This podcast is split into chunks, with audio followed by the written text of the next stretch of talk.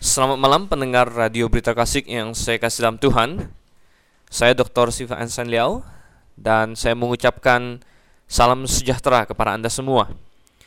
Di mana pun Bapak Ibu Saudara sekalian saat ini berada Apakah di rumah sedang menikmati istirahat setelah suatu aktivitas sehari penuh? Ataukah Anda masih dalam perjalanan?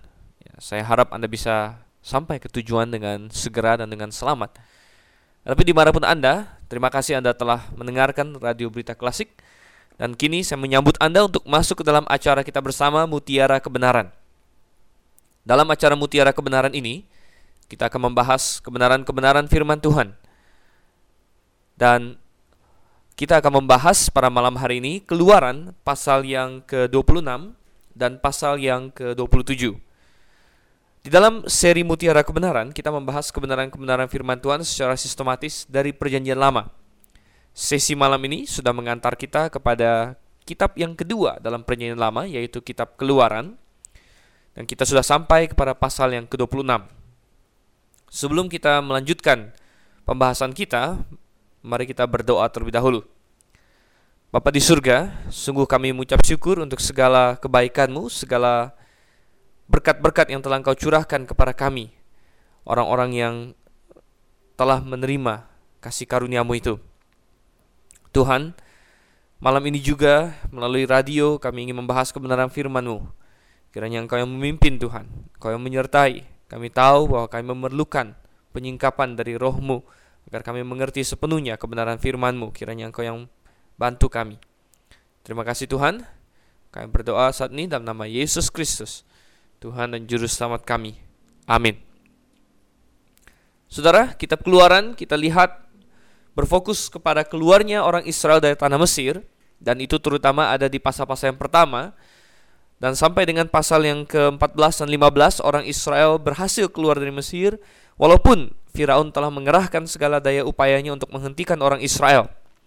Tetapi Tuhan dengan tangan yang kuat dan teracung memaksa Firaun dengan berbagai tulah untuk melepaskan orang Israel. Akhirnya orang Israel dilepaskan, tetapi bukan sampai di sana perjalanan mereka. Setelah itu pun mereka mengalami kejadian demi kejadian di padang gurun yang semuanya bertujuan untuk menguatkan iman mereka dan memberikan kepada kita pengajaran yang indah-indah. Kita melihat bagaimana Firaun mengejar mereka sampai ke tepi Laut Merah dan hampir saja membinasakan mereka kalau bukan Tuhan membuka melalui suatu mukjizat yang besar sekali. Laut Tebrau itu, laut merah dan orang Israel berjalan di lantai laut itu dengan daratan kering, Saudara. Dengan air sebagai tembok di kanan dan kiri. Oh, betapa luar biasa sekali. Dan kita melihat bahwa setelah itu Tuhan terus menyertai mereka. Ini melambangkan bagaimana setelah keselamatan sekalipun orang Israel disertai demikian juga kita. Setelah keselamatan kita disertai oleh Tuhan Tuhan tidak meninggalkan kita dalam segala kesulitan kita tapi Tuhan menyertai kita. Dan kita melihat bagaimana ketika mereka kekurangan minum Tuhan menyediakan minum. Ketika mereka tidak memiliki makanan Tuhan memberikan kepada mereka makanan. Semuanya adalah berkat-berkat Tuhan bagi mereka. Dan kini kita melihat di bagian dari pasal 19 mereka sampai ke gunung Sinai Gunung inilah yang telah Tuhan maksudkan untuk orang Israel kunjungi. Ketika pertama kali mereka berkata kepada Firaun untuk melepaskan mereka agar mereka berjalan ke padang gurun untuk beribadah kepada Tuhan, maksudnya adalah di Gunung Sinai ini. Dan di Gunung Sinai inilah Tuhan mengangkat mereka sebagai suatu bangsa yang spesial di mata Tuhan. Memang seluruh bangsa, seluruh dunia, seluruh bumi ini adalah milik Tuhan. Tapi Israel diangkat di situ. Dijadikan suatu bangsa yang spesial, bangsa yang raja rajani sekaligus bangsa yang imamat saudara yang akan berfungsi untuk menjadi tiang penopang dan dasar kebenaran Tuhan bagi seluruh dunia. Dan bagi bangsa yang spesial ini Tuhan memberikan kepada mereka berbagai aturan yang dikenal sebagai hukum Taurat. Kata Taurat sendiri berasal dari kata Torah yang berarti hukum. Ya. Dan di dalam hukum ini terkandung hikmat Allah. Dan kita telah melihat bagaimana ada hukum-hukum moral yang Tuhan berikan, 10 hukum itu ada hukum-hukum sipil bagaimana berhubungan dengan sesama manusia, bagaimana untuk menghukum orang yang bersalah dan lain sebagainya dari pasal 20 bagian terakhir sampai dengan pasal 23. Dan kemudian mulai dari pasal 25 Tuhan mengatur tentang ibadah simbolik bagi orang Yahudi Yang kita sudah baca pasal 25 bagaimana Tuhan mendeskripsikan Musa harus membuat suatu kemah dan Tuhan mulai dari pasal 25 untuk mendeskripsikan perabot-perabot yang harus ada di dalam kemah itu. Kemah itu adalah yang disebut kemah suci atau kemah pertemuan dan di kemah pertemuan atau kemah suci itulah bangsa Israel harus datang bertemu dengan Tuhan, menyembah kepada Tuhan, mempersembahkan korban dan lain sebagainya. Dan saudara yang kasam Tuhan, di pasal 26 inilah kita akan melanjutkan pembahasan kita tentang ibadah simbolik ini. Yang kita akan masuk ke pembuatan kemah itu sendiri. Satu hal yang harus selalu diingat adalah bahwa kita sedang membicarakan aspek seremonial, aspek simbolik dari hukum Taurat di sini. Peraturan-peraturan mengenai berbagai perabot kemah suci, peraturan-peraturan mengenai berbagai ukuran dari mesbah, ukuran dari tabut, ukuran dari kemah suci itu sendiri. Ini semua adalah hal-hal yang berlaku pada zaman simbolik. Tentu kita hari ini membahasnya bukan karena kita ingin membuat kemah ini lagi, bukan karena kita ingin membuat tabut-tabut itu, mesbah-mesbah itu atau perabot-perabot yang lain, tetapi karena kita bisa belajar sesuatu dari hal-hal yang simbolik ini. Nah, kita perlu uh, mempelajari bahwa sungguh hukum Taurat adalah bayangan dari apa yang ada. Hal ini jelas sekali terlihat di dalam Ibrani pasalnya yang ke-10.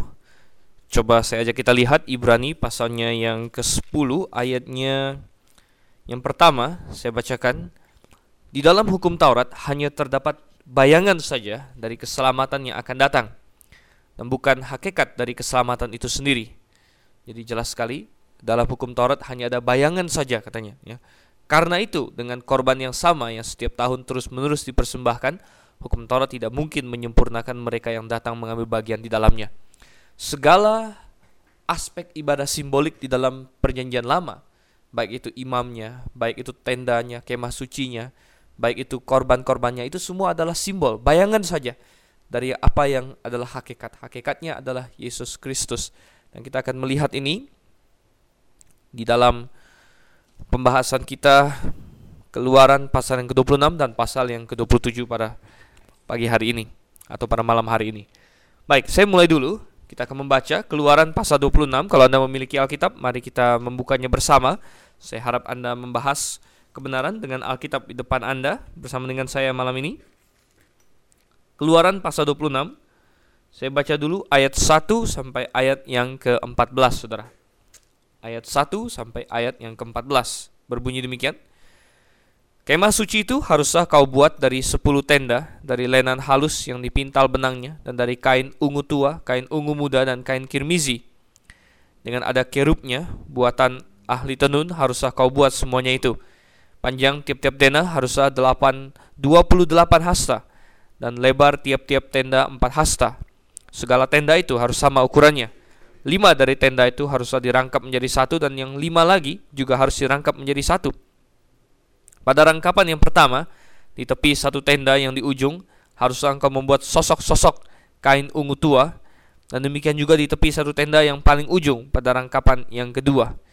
50 sosok harus kau buat pada tenda yang satu dan 50 sosok pada tenda yang di ujung pada rangkapan yang kedua sehingga sosok-sosok itu tepat berhadapan satu sama lain dan haruslah engkau membuat 50 kaitan emas dan menyambung tenda-tenda kemah suci yang satu dengan yang lain dengan memakai kaitan itu sehingga menjadi satu. Ayat 7 Juga haruslah engkau membuat tenda-tenda dari bulu kambing menjadi atap kemah yang menudung kemah suci, 11 tenda harus kau buat. Panjang tiap-tiap tenda harus 30 hasta dan lebar tiap-tiap tenda 4 hasta. Yang 11 tenda itu harus sama ukurannya.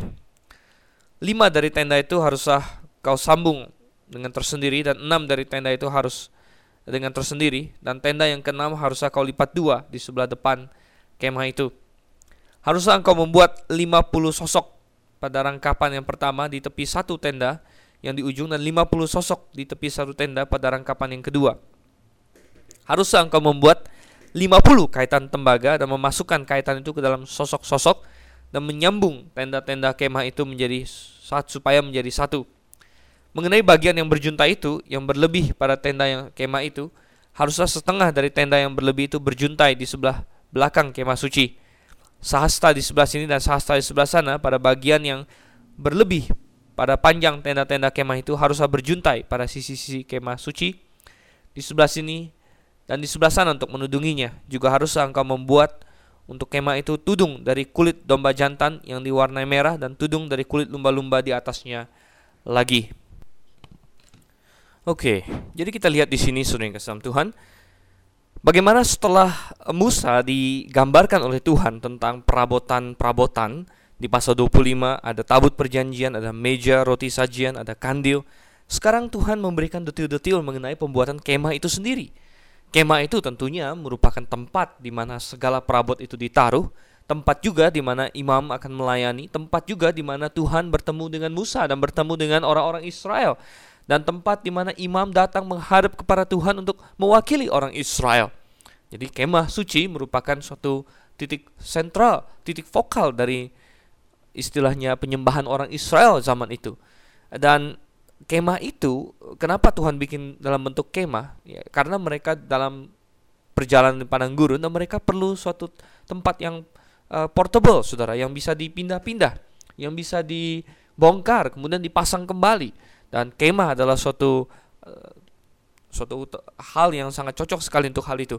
Dan kita belakangan akan baca setelah orang Israel menetap di negeri itu bahkan pada zaman Salomo akhirnya mereka mendirikan sebuah rumah untuk Tuhan dan rumah itu eh, ciri-cirinya hampir sama dengan kemah ini. Tapi kita melihat di sini kemahnya sendiri, Saudara. Oh, kemah ini dikatakan dibuat dari 10 tenda dari lenan halus Ah, tenda kata tenda di sini jangan Anda anggap sebagai seolah-olah ada tenda kemudian 10 tenda digabung menjadi satu. Bukan, tenda di sini bisa juga diterjemahkan sebagai uh, curtain Saudara, uh, horden atau kain lah intinya. Jadi uh, 10 lembar kain begitu ya, 10 lembar kain yang di akhirnya dinikan dililit-lilitkan. Jadi uh, kemah itu terdiri dari uh, 10 lembar kain yang panjangnya adalah Dikatakan di sini tiap-tiap tenda harusnya 28 hasta dan lebarnya 4 hasta. Ya, lebar 4 hasta dan uh, panjangnya 28 hasta. Jadi ini adalah ukuran dua dimensi, saudara. Ya, ada panjang kali lebar. Ini bukan suatu suatu benda yang tiga dimensi, tapi dua dimensi. Ya, ada panjang, ada lebar. Dan kita melihat ada berbagai detil-detil yang diberitahukan kepada kita. Uh, mungkin pendengar sekalian agak bingung dengan istilah sosok, ya harus engkau membuat sosok-sosok ya, kain ungu tua uh, dan sosok di sini uh, sebenarnya adalah semacam kaitan begitu ya sosok di sini semacam uh, kalau kita baca beberapa ayat di bawahnya kan ada yang dikatakan di situ kaitan ya nah sosok itu adalah tempat untuk mengaitnya begitu uh, kalau kita bayangkan ada kaitan, kemudian ada semacam lobang untuk mengaitkan kaitan itu. Nah, itulah sosoknya ya. Jadi mereka membuat eh, sosok-sosoknya itu ya di ujung eh, satu ujung ya. Kemudian ada kaitannya pada ujung yang lain. Ada dikasih tahu situ ada 50 kaitan emas untuk menyambungnya dan lain sebagainya. Jadi eh, lembaran-lembaran yang baik dan bagus dan indah ini yang katanya ada 10 lembar ini, 10 uh, tenda atau 10 lembar ini akan dihubungkan satu dengan yang lainnya melalui sosok dan kaitan itu. Kemudian setelah uh, tenda itu dibungkus rapi oleh istilahnya kain itu juga ditutup dari atasnya dengan atap katanya dan atapnya di sini dari bulu kambing, Saudara. Atapnya dari bulu kambing dan ini cocok sekali karena apa yang akan terjadi di situ adalah akan ada banyak kambing domba yang disembelih yang darahnya akan tercurah ya sebagai korban dan oleh karena itu cocok sekali bahwa atapnya terbuat dari bulu kambing. Ya, ini semua melambangkan pengorbanan yang harus terjadi di tempat itu. Kita melihat ya bagaimana tenda ini uh, diberitahu oleh Tuhan. Bagi kita mungkin agak sedikit sulit untuk membayangkan dari narasi ini saja bagaimana detailnya. Uh, tetapi kita harus ingat bahwa Tuhan tidak mencatatkannya bagi kita agar kita bisa membuatnya pada zaman ini. Jadi Tuhan tentu tidak mencatatkan ini uh, dengan segala sesuatu informasi yang diperlukan untuk membuatnya hanya untuk memberikan gambaran umum saja. Sedangkan Musa sendiri tentunya memiliki gambaran yang lebih jelas karena ada indikasi sepertinya Tuhan memberikan gambaran visual kepada dia, memberikan contoh kepada dia bagaimana semua itu dilakukan. Dan kita lihat di Keluaran pasal yang ke-25 itu jelas. Ayat yang ke-8 dan yang ke-9 minggu uh, sesi lalu sudah kita bahas pasal 25 ayat 8 dan 9 katanya. Mereka harus membuat seluruh tempat kudus bagiku supaya aku akan diam di tengah-tengah mereka menurut segala apa yang kutunjukkan kepadamu sebagai contoh kemah suci dan sebagai contoh segala perabotannya demikianlah harus kamu membuatnya. Jadi Musa memiliki suatu model contoh yang bisa dia tiru. Kita hari ini kita hanya bisa eh, dengan ilustrasi mencoba menggambarkannya. Ada banyak buku-buku uh, yang telah memberikan ilustrasi seperti apa kira-kira tenda itu berdasarkan garis besar eh, informasi yang didapatkan di keluaran atau di bagian-bagian lain firman Tuhan ini. Tapi Musa memiliki suatu contoh dan kalau kita baca bagian Alkitab lain, terutama Ibrani, saudara, uh, dalam Ibrani di situ sepertinya memang ada indikasi bahwa ada suatu contoh. Contoh di mana, saudara? Contoh di sorga. Bahkan sepertinya ada indikasi bahwa di sorga uh, ada suatu bait suci atau kemah suci yang yang kekal, yang yang telah Tuhan siapkan di sana, yang justru dicontoh oleh Musa yang dijadikan suatu uh, kopi ya atau cetak biru untuk dipakai dibuat di bumi. Sebenarnya ada satu di sorga. Anda boleh baca di dalam Ibrani pasal yang ke-8. Ibrani pasal yang ke-8 ya. Ayat yang pertama dan kedua saya bacakan saja. Inti segala yang kita bicarakan itu ialah kita mempunyai imam besar yang demikian yang duduk di sebelah kanan tahta yang maha besar di sorga dan yang melayani ibadah di tempat kudus yaitu di dalam kemah sejati yang didirikan oleh Tuhan dan bukan oleh manusia. Jadi dikatakan di situ di sorga ada ibadah di tempat kudus di dalam kemah yang sejati. Kemah yang dibuat oleh Musa dan orang Israel bukan kemah sejati, itu kemah uh, simbol saja, simbol dari yang ada di sorga. Hal ini lebih jelas lagi dalam Ibrani pasal 9 ayat 11 ya, Ibrani 9 ayat 11 saya baca. Tetapi Kristus telah datang sebagai imam besar untuk hal-hal yang baik yang akan datang. Ia telah melintasi kemah yang lebih besar dan yang lebih sempurna, yang bukan dibuat oleh tangan manusia, artinya yang tidak termasuk ciptaan ini. Jelas sekali di sini ada suatu kemah yang lebih besar dan lebih sempurna. Jadi di sorga suatu hari nanti kita akan melihat kira-kira seperti apa kemah itu. Kemah yang benerannya bahkan bukan yang dibuat oleh Musa saja. Dan kita akan teruskan lagi untuk melihat tentang kemah ini dan apalagi yang bisa kita pelajari tentang kemah ini. Kita melihat bagaimana kain-kain yang dipakai, kain kambing, eh, kulit kambing tadi ya, cocok sekali. Kemudian ada kain ungu tua, ungu muda, kain kirmizi, warna-warna yang juga sangat cocok sebenarnya. Kain yang berwarna kirmizi melambangkan pencurahan darah yang harus terjadi. Sedangkan kain ungu muda adalah gambaran keagungan, saudara. Dan tempat itu memang harus memiliki gambaran keagungan karena Tuhan uh, menaruh namanya di situ. Tuhan uh, seharusnya akan datang ke situ. Dan kita lihat lagi dari ayat yang ke-15 ya, sampai dengan ayatnya yang ke-37. Jadi kita habiskan saja keluaran pasal 26 ini. Ayat 15 sampai ayat yang ke-37 kita lihat lagi keluaran pasal 26. Haruskah engkau membuat untuk kemah suci papan dari kayu penaga yang berdiri tegak. Sepuluh hasta panjangnya satu papan dan satu setengah hasta lebarnya tiap-tiap papan Tiap-tiap papan harus ada pasak, harus ada dua pasaknya yang disengkang satu sama lain. Demikianlah harus kau perbuat dengan segala papan kemah suci. Haruskah engkau membuat papan-papan untuk kemah suci? 20 papan pada sebelah selatan dan haruskah kau buat 40 alas perak di bawah kedua puluh papan itu. Satu alas, eh, dua alas di bawah satu papan untuk kedua pasaknya. Dan seterusnya ada dua alas di bawah setiap papan untuk kedua pasaknya. Juga untuk sisi yang kedua dari kemah suci pada sebelah utara kau buatlah 20 papan dengan 40 alas peraknya, dua alas di bawah satu papan dan seterusnya dua alas di bawah setiap papan.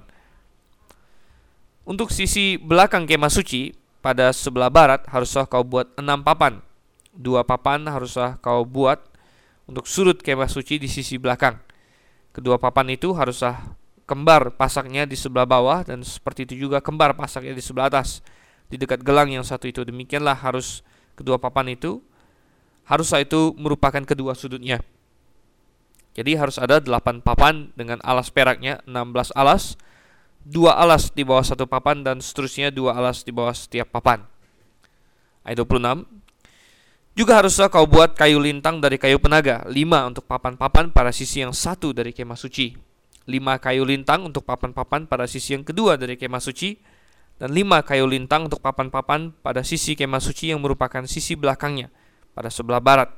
Dan kayu lintang yang di tengah, di tengah-tengah papan-papan itu haruslah melintang terus dari ujung ke ujung. Papan-papan itu haruslah kau salut dengan emas. Gelang-gelang itu haruslah kau buat dari emas sebagai tempat memasukkan kayu-kayu lintang itu. Dan kayu-kayu lintang itu haruslah kau salut dengan emas. Kemudian haruslah kau dirikan kemah suci sesuai dengan rancangan yang telah ditunjukkan kepadamu di atas gunung itu. Ayat 31. Haruslah kau buat tabir dari kain ungu tua dan kain ungu muda, kain kirmizi dan lenan halus yang dipintal benangnya. Haruslah dibuat dengan ada kerubnya buatan ahli tenun. Haruslah engkau menggantungkannya pada empat tiang dari kayu penaga yang disalut dengan emas, dengan ada kaitannya dari emas berdasarkan empat alas perak. Haruslah tabir itu kau gantungkan pada kaitan penyambung tenda itu dan haruslah kau bawa tabut hukum ke sana, ke belakang tabir itu, sehingga tabir itu menjadi pemisah bagimu antara tempat kudus dan tempat maha kudus. Tutup pendamaian itu haruslah kau letakkan di atas tabut hukum di dalam tempat maha kudus. Meja itu haruslah kau taruh di depan tabir itu, dan kandil itu berhadapan dengan meja itu pada sisi selatan dari kemah suci. Dan meja itu haruslah kau tempatkan pada sisi utara. Juga haruslah kau buat tirai untuk pintu kemah itu dari kain ungu tua, kain ungu muda, kain kirmizi dan lenan halus yang dipintal benangnya, tenunan yang berwarna-warna. Haruslah kau buat lima tiang dari kayu penaga untuk tirai itu dan kau salutlah itu dengan emas. Dengan ada kaitannya dari emas dan untuk itu haruslah kau tuang lima alas dari tembaga. Kita melihat di sini bahwa tenda itu bukan saja dilingkupi oleh kain-kain tertentu, tetapi ada juga benda padatnya untuk membuat tenda itu lebih permanen, lebih kokoh, lebih kuat, yaitu kayu-kayu, saudara. Jadi ada balok-balok kayu tertentu dengan ukuran 10 hasta kali satu setengah hasta. Jadi 5 meter kali 75 cm. Dan papan-papan ini bisa disambung satu dengan yang lain harus dibuat seperti itu. Jadi papan-papan ini akan mengelilingi kemah suci. Dan kita mendapatkan bahwa selain itu Tuhan ingin agar ada bagian-bagian tertentu yang disalut dengan emas katanya. Ada papan yang harus disalut dengan emas, ada gelang-gelang yang harus disalut dengan emas. Selalu kita dapatkan dalam kemah suci ini benda-benda dari kayu banyak yang disalut dengan emas. Dan ada yang memang ingin melihat suatu makna figuratif di balik ini bahwa Yesus Kristus pun adalah manusia dan Allah sama seperti tabut terbuat dari kayu penaga yang dilapis emas, ya, kayu sekaligus emas ya. Dan di sini juga ada banyak kayu yang sekaligus emas karena keduanya telah bergabung menjadi satu. Apakah ini melambangkan uh, dualitas Yesus Kristus yang adalah Allah sekaligus manusia? Ya, saya tidak mau mengatakan bahwa itu adalah 100% menunjuk kepada itu mengenai analogi dan tipologi 100% kita tahu benar hanya kalau Alkitab memberitahukan kepada kita. Tapi tentu saja analogi-analogi seperti itu bisa membantu untuk menjelaskan hal tersebut. Satu hal yang ingin saya ajak kita lihat di sini adalah uh, bahwa kemah suci dihadap ke timur, saudara. Jadi kemah suci menghadap ke, kepada timur, ya. Dan dikatakan di sini bahwa barat adalah sisi belakangnya. Mengapa menghadap ke timur? Kita tahu matahari terbit di timur, the sun, ya dan Alkitab menubuatkan bahwa Tuhan akan masuk ke dalam bait suci dari sebelah timur. Ya, jadi makanya dia menghadap ke timur. Ya. Sebagai matahari terbit, ya, demikian juga Tuhan masuk ke dalam baitnya pada pagi hari ya, di sebelah timur. Dan kita melihat di sini, rupanya dijelaskan lebih lanjut bahwa ada tabir yang harus dibuat. Dan tabir ini harus memisahkan antara ruang kudus dengan ruang maha kudus berikutnya akan diberitahu di lain tempat bahwa ruang kudus eh, itu dua kali lebih besar daripada ruang maha kudus. Jadi kalau seluruh kemah itu dibagi tiga bagian, dua pertiganya adalah ruang kudus dan sepertiga bagian belakang adalah ruang maha kudus. Dipisahkan oleh tabir yang berat dan besar. Dan uh, ini menunjukkan saudara yang kasih Tuhan bahwa sungguh ada suatu keterpisahan antara apa yang kudus dari Allah yang maha kudus dengan dunia luar. Tuhan ingin agar manusia tahu bahwa setelah manusia jatuh ke dalam dosa, manusia tidak bisa dengan seenaknya saja datang kepada Tuhan. Manusia tidak bisa memiliki akses lagi kepada Tuhan karena manusia adalah manusia yang berdosa dan Allah adalah Allah yang maha kudus. Oleh karena itu ruangan itu disebut sebagai ruangan maha kudus. Dan di dalam ruangan itu terdapat tabut perjanjian dan dengan tutup pendamaian yang melambangkan hadirat Allah sendiri. Dan hanya ada satu orang yang boleh masuk ke ruang maha kudus itu satu kali satu tahun saudara yaitu imam besar. Ingat bahwa imam besar adalah orang yang uh, mewakili manusia menghadap Allah. Kalau kita baca dalam imamat pasal yang ke-16 ayat 1 dan 2 imam besar pun tidak boleh sembarangan masuk saudara. Hanya satu kali satu tahun dan setiap kali dia masuk ke sana dia harus membawa suatu korban darah untuk mendamaikan dirinya sendiri sekaligus untuk mendamaikan umatnya mendamaikan Israel nah kita melihat bahwa imam boleh masuk setiap hari ke tempat kudus. Jadi kemah itu kita ingat dibagi dua tempat kudus tempat maha kudus. Mereka tiap hari masuk ke tempat kudus. Mengganti roti yang ada di meja roti sajian itu tiap hari diberikan roti baru menyalakan kandil itu agar ada terang di dalam uh, kemah suci itu terus tetapi hanya imam besar yang satu kali satu tahun menyibakkan uh, tabir itu untuk masuk ke dalam ruang maha kudus membawa darah untuk mendamaikan dirinya dan mendamaikan uh, umatnya dan ini menunjukkan bahwa Allah ingin mengajar manusia yang telah berdosa terpisah dari Allah tapi saudara yang kasih Tuhan kita mengucap syukur bahwa hari ini semua itu telah selesai. Benar, saudara yang kasih Tuhan. Hari ini semua itu telah selesai. Melalui apa? Tidak lain adalah melalui Yesus Kristus. Ketika Yesus mati di kayu salib, itulah saatnya dia menjembatani antara Allah yang Maha Kudus dengan manusia yang berdosa. Pada saat itulah dia yang adalah Allah sekaligus manusia. Allah sekaligus manusia, hanya pribadi yang seperti itulah yang bisa menjembatani antara Allah dengan manusia dan dia tahu manusia telah berdosa. Oleh karena itu dia mati untuk dosa manusia. Dan ketika dia mati untuk dosa manusia, maka semua manusia yang percaya kepadanya dosanya ditanggung oleh Yesus Kristus. Semua manusia yang beriman kepada Yesus, dosanya dianggap sudah selesai sehingga dia bisa datang kepada Allah. Oleh karena itulah kita baca dalam Injil tidak kurang dari tiga Injil Matius, Markus, Lukas mencatat bahwa pada saat Yesus mati tabir bait suci terbelah, saudara. Sebagai contoh kita lihat dalam Matius pasal 27 ayat yang ke-51. Matius 27 ayat yang ke-51 dan lihatlah tabir bait suci terbelah dua dari atas sampai ke bawah. Dan terjadilah gempa bumi dan bukit-bukit batu terbelah. Mengapakah dalam peristiwa kematian penyaliban Yesus tabir bait suci terbelah dua? Oh, itu bukan terjadi secara kebetulan, Saudara. Itu bukan sesuatu fenomena yang uh, tidak sengaja, tidak. Tuhan sengaja membuat itu. Mengapa? Untuk menunjukkan kepada imam-imam kepala yang waktu itu menyalibkan Yesus yang tidak percaya kepadanya bahwa mereka telah selesai. Tugas mereka telah selesai. Mereka yang tadinya ingin mewakili manusia kepada Allah dan akhirnya karena kesesatan mereka, mereka malah menghalangi manusia kepada Allah. Tugas mereka selesai karena Yesus Kristus. Dia berseru, sudah selesai. Apa sudah selesai, saudara? Jalan keselamatan telah selesai. Cara untuk bisa lepas dari dosa selesai. Keterpisahan dengan Allah telah selesai. Kini di dalam Yesus Kristus dosamu bisa diselesaikan. Yang awal, yang dari pertama sekali Anda buat sampai yang terakhir Anda akan lakukan nanti saat sebelum Anda meninggal dunia. Semua telah ditanggung oleh Yesus Kristus dan Anda tinggal percaya kepadanya. Maka Anda bisa masuk ke dalam Maha Kudus itu, ruang Maha Kudus itu untuk menghadap kepada Allah. Bisa masuk sorga.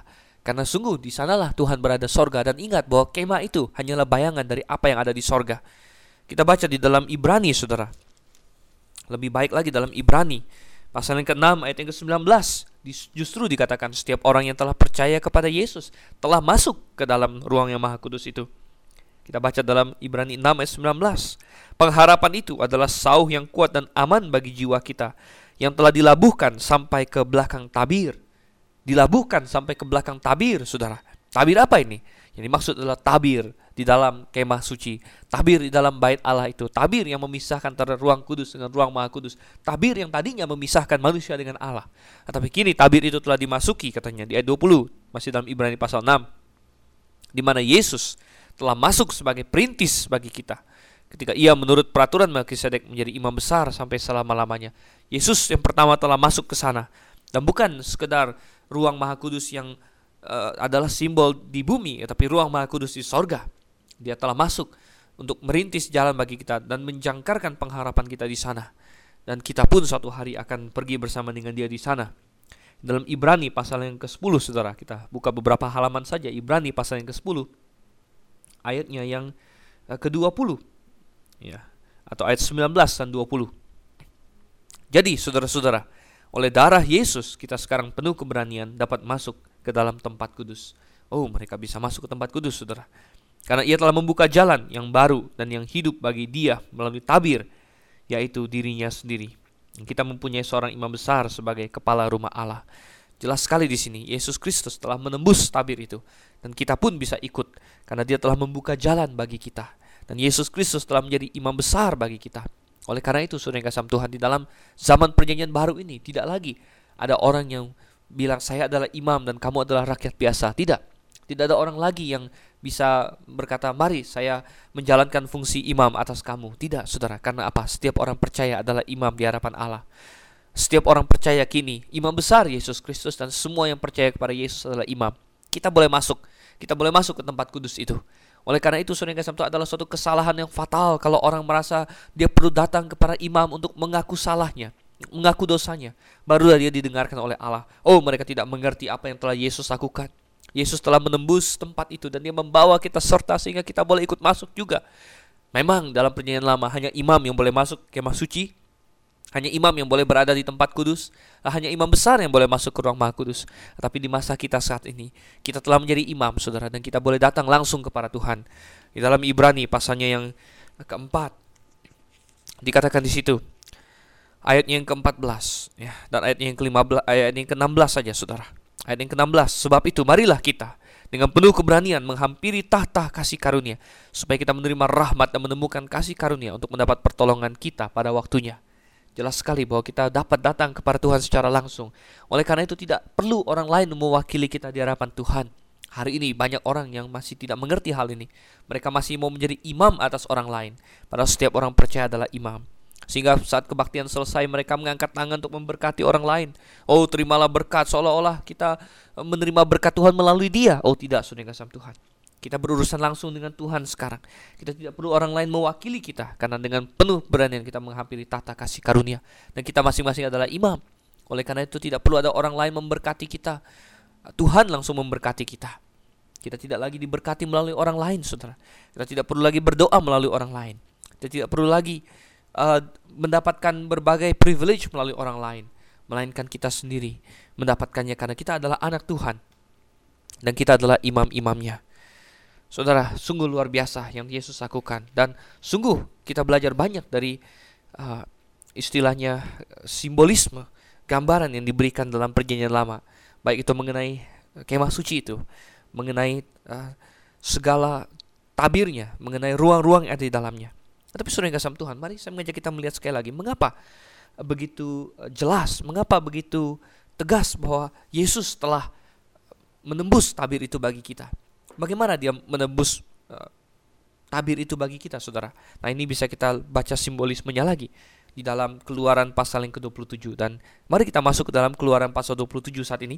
Kita kembali lagi kitab keluaran pasal yang 27. Saya akan bacakan ayat 1 sampai ayat yang ke-8 sekarang.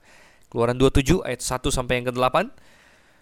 Haruslah engkau membuat mesbah dari kayu penaga, lima hasta panjangnya dan lima hasta lebarnya, sehingga mesbah itu empat persegi, tetapi tiga hasta tingginya. Haruslah engkau membuat tanduk-tanduknya pada keempat sudutnya. Tanduk-tanduknya itu haruslah seiras dengan mesbah itu dan haruslah engkau menyalutnya dengan tembaga. Juga harus engkau membuat kuali-kualinya, tempat menaruh abunya, dan sodok-sodoknya dan bokor-bokor penyiramannya, garpu-garpunya, dan perbaraan-perbaraannya. Semua perkakasnya itu harus kau buat dari tembaga. Harus engkau membuat itu itu kisi-kisi, yakni jala-jala tembaga. Dan pada jala-jala itu haruslah kau buat empat gelang tembaga pada keempat ujungnya. Haruslah engkau memasang jala-jala itu di bawah jalur mesbah itu, mulai dari sebelah bawah sehingga jala-jala itu sampai setengah tinggi mesbah itu. Haruslah engkau membuat kayu-kayu pengusung untuk mesbah itu, kayu-kayu pengusung dari kayu penaga, dan menyalutnya dengan tembaga. Kayu-kayu pengusungannya itu haruslah dimasukkan ke dalam gelang-gelang itu dan kayu-kayu pengusung itu haruslah ada pada kedua rusuk mesbah itu waktu mesbah itu diangkut. Mesbah itu harus kau buat berongga dan dari papan seperti yang ditunjukkan kepadamu di atas gunung. Demikianlah harus dibuat mesbah itu. Di dalam pasal yang ke-27 sebenarnya di sini Musa telah beralih ke topik yang lain lagi yaitu kembali lagi ke perabot-perabot tetapi bukan lagi perabot yang akan ditaruh di dalam bait suci, eh, di dalam kemah suci, karena belum bait waktu itu masih dalam bentuk kemah, tetapi kini perabot yang ada di luar, saudara. Dan tadi di pasal 26 kita sudah membaca bagaimana di dalam ruang Maha Kudus di dalam bait di dalam kemah suci ada tabut. Kemudian di ruang kudusnya Saudara, Anda bisa membayangkan kalau uh, satu persegi ya menghadap ke timur ya. Pintunya dari sebelah timur yang kemudian di saat satu dindingnya ada me meja roti sajian sebelah utara, kemudian sebelah selatannya ada kandil, saudara. Ya. Dan uh, itu adalah perabot-perabot dalam kemah suci. Dan sekarang uh, Musa menjelaskan tentang perabot-perabot yang ada di luar kemah suci. Jadi di pelatarannya, ya, di pelataran dari kemah suci itu, di halamannya istilahnya. Dan ada satu yang paling jelas di situ adalah yang disebut sebagai mesbah korban bakaran. Dan mesbah ini dibuat dari tembaga, saudara. Mesbah ini dibuat dari tembaga. Mesbah ini adalah tempat di mana imam akan datang membawa korban yang akan disembelih dan setelah itu dibakar. Ya, ini disebut sebagai korban bakaran. Ya. Dan mesbah ini berbicara mengenai bahwa sebelum masuk ke, ke tempat kudus Allah, sebelum masuk ke kemah suci harus ada penyelesaian atas dosa terlebih dahulu seperti yang tadi sudah kita bahas. Di mana Yesus membelah tabir itu dengan cara menyelesaikan dosa kita. Bagaimana cara dia menyelesaikan dosa kita? Inilah, sebelum bisa masuk ke dalam kemah suci Allah, orang harus diselesaikan dulu dosanya. Dan di situlah ada uh, mesbah korban bakaran. Dan mesbah korban bakaran ini melambangkan Yesus Kristus secara luar biasa sekali. Kita melihat bahwa pertama-tama mesbah ini terbuat dari tembaga, saudara. Ya. Jadi salut dengan tembaga dan betapa kita kaget atau bukan kaget sebenarnya, tapi betapa kita uh, melihat konsistennya firman Tuhan bahwa Yesus Kristus pun katanya ya kakinya bagaikan tembaga ya. Dalam Wahyu 1 ayat yang ke-15 dalam penglihatan Yohanes akan Yesus Kristus Wahyu 1 ayat 15 dan kakinya mengkilap bagaikan tembaga membara di dalam perapian dan di atas mesbah korban bakaran itulah setiap hari diadakan korban bagi Tuhan. Ada domba yang diambil, ada lembu kah, ada domba kah? Banyakkan domba sudah kasih Tuhan yang akan disembelih. Darahnya tercurah. Ini melambangkan Yesus Kristus juga. Jadi segala sesuatu dari mesbah ini melambangkan Yesus Kristus. Baik itu mesbahnya sendiri yang dari tembaga, baik itu korban yang ada di atasnya. Domba sudah kasih Tuhan. Dan ketika Yesus Kristus berjalan di atas muka bumi ini dan ketika dia sedang berjalan tepi sungai Yordan Yohanes Pembaptis menunjuk kepadanya dan berkata lihatlah anak domba Allah yang menghapus dosa dunia. Sungguh dia adalah anak domba Allah yang menghapus dosa dunia. Dan dia dilambangkan oleh berbagai domba berjuta-juta domba yang telah mati yang telah mati tahun ke tahun hari ke hari. Dan sesudah itu korban ini akan dibakar nanti melambangkan bahwa hukuman Allah ada ada ada atasnya. Api selalu melambangkan penghukuman, saudara. Yohanes Pembaptis pernah berkata bahwa dia yang lebih berkuasa daripadaku, ia akan membaptis kamu dengan roh, dalam roh dan dalam api. Ya. Banyak orang ingin memiliki baptisan roh, tapi sedikit yang ingin memiliki baptisan api, saudara. Karena baptisan api adalah baptisan peng penghukuman, ya. Dan korban yang setelah itu dibakar menggambarkan penghukuman, ya. Dan Yesus dihukum oleh Allah. Dia menanggung hukuman kita di dalam Yesaya pasalnya yang ke-53 satu ayat satu pasal yang sangat luar biasa dikatakan di situ ya. Ayatnya yang kedua yang seterusnya saya bacakan saja Yesaya 53 ayat 2 dan seterusnya. Sebagai taruk ia tumbuh di hadapan Tuhan dan sebagai tunas dari tanah kering. Ia tidak tampan dan semaraknya pun tidak ada sehingga kita memandang dia. Dan rupa pun tidak sehingga kita menginginkannya. Ia dihina dan dihindari orang, seorang yang penuh kesengsaraan dan yang biasa menderita kesakitan. Ia sangat dihina dan dihindari orang. Seorang yang penuh kesengsaraan dan yang biasa menderita kesakitan. Ia sangat dihina sehingga orang menutup mukanya terhadap dia. Dan bagi kita pun dia tidak masuk hitungan. Tetapi sesungguhnya penyakit kita lah yang ditanggungnya dan kesengsaraan kita yang dipikulnya. Padahal kita mengira dia kena tulah dipukul dan ditindas Allah. Tetapi dia tertikam oleh karena pemberontakan kita. Dia diremukkan oleh karena kejahatan kita. Ganjaran yang mendatangkan keselamatan bagi kita ditimpakan kepadanya. Dan oleh bilur-bilurnya kita menjadi sembuh. Jelas, ganjaran yang mendatangkan keselamatan ditimpakan kepadanya. Hukuman kita dijatuhkan padanya. Oleh karena itu dia adalah korban bakaran bagi Allah.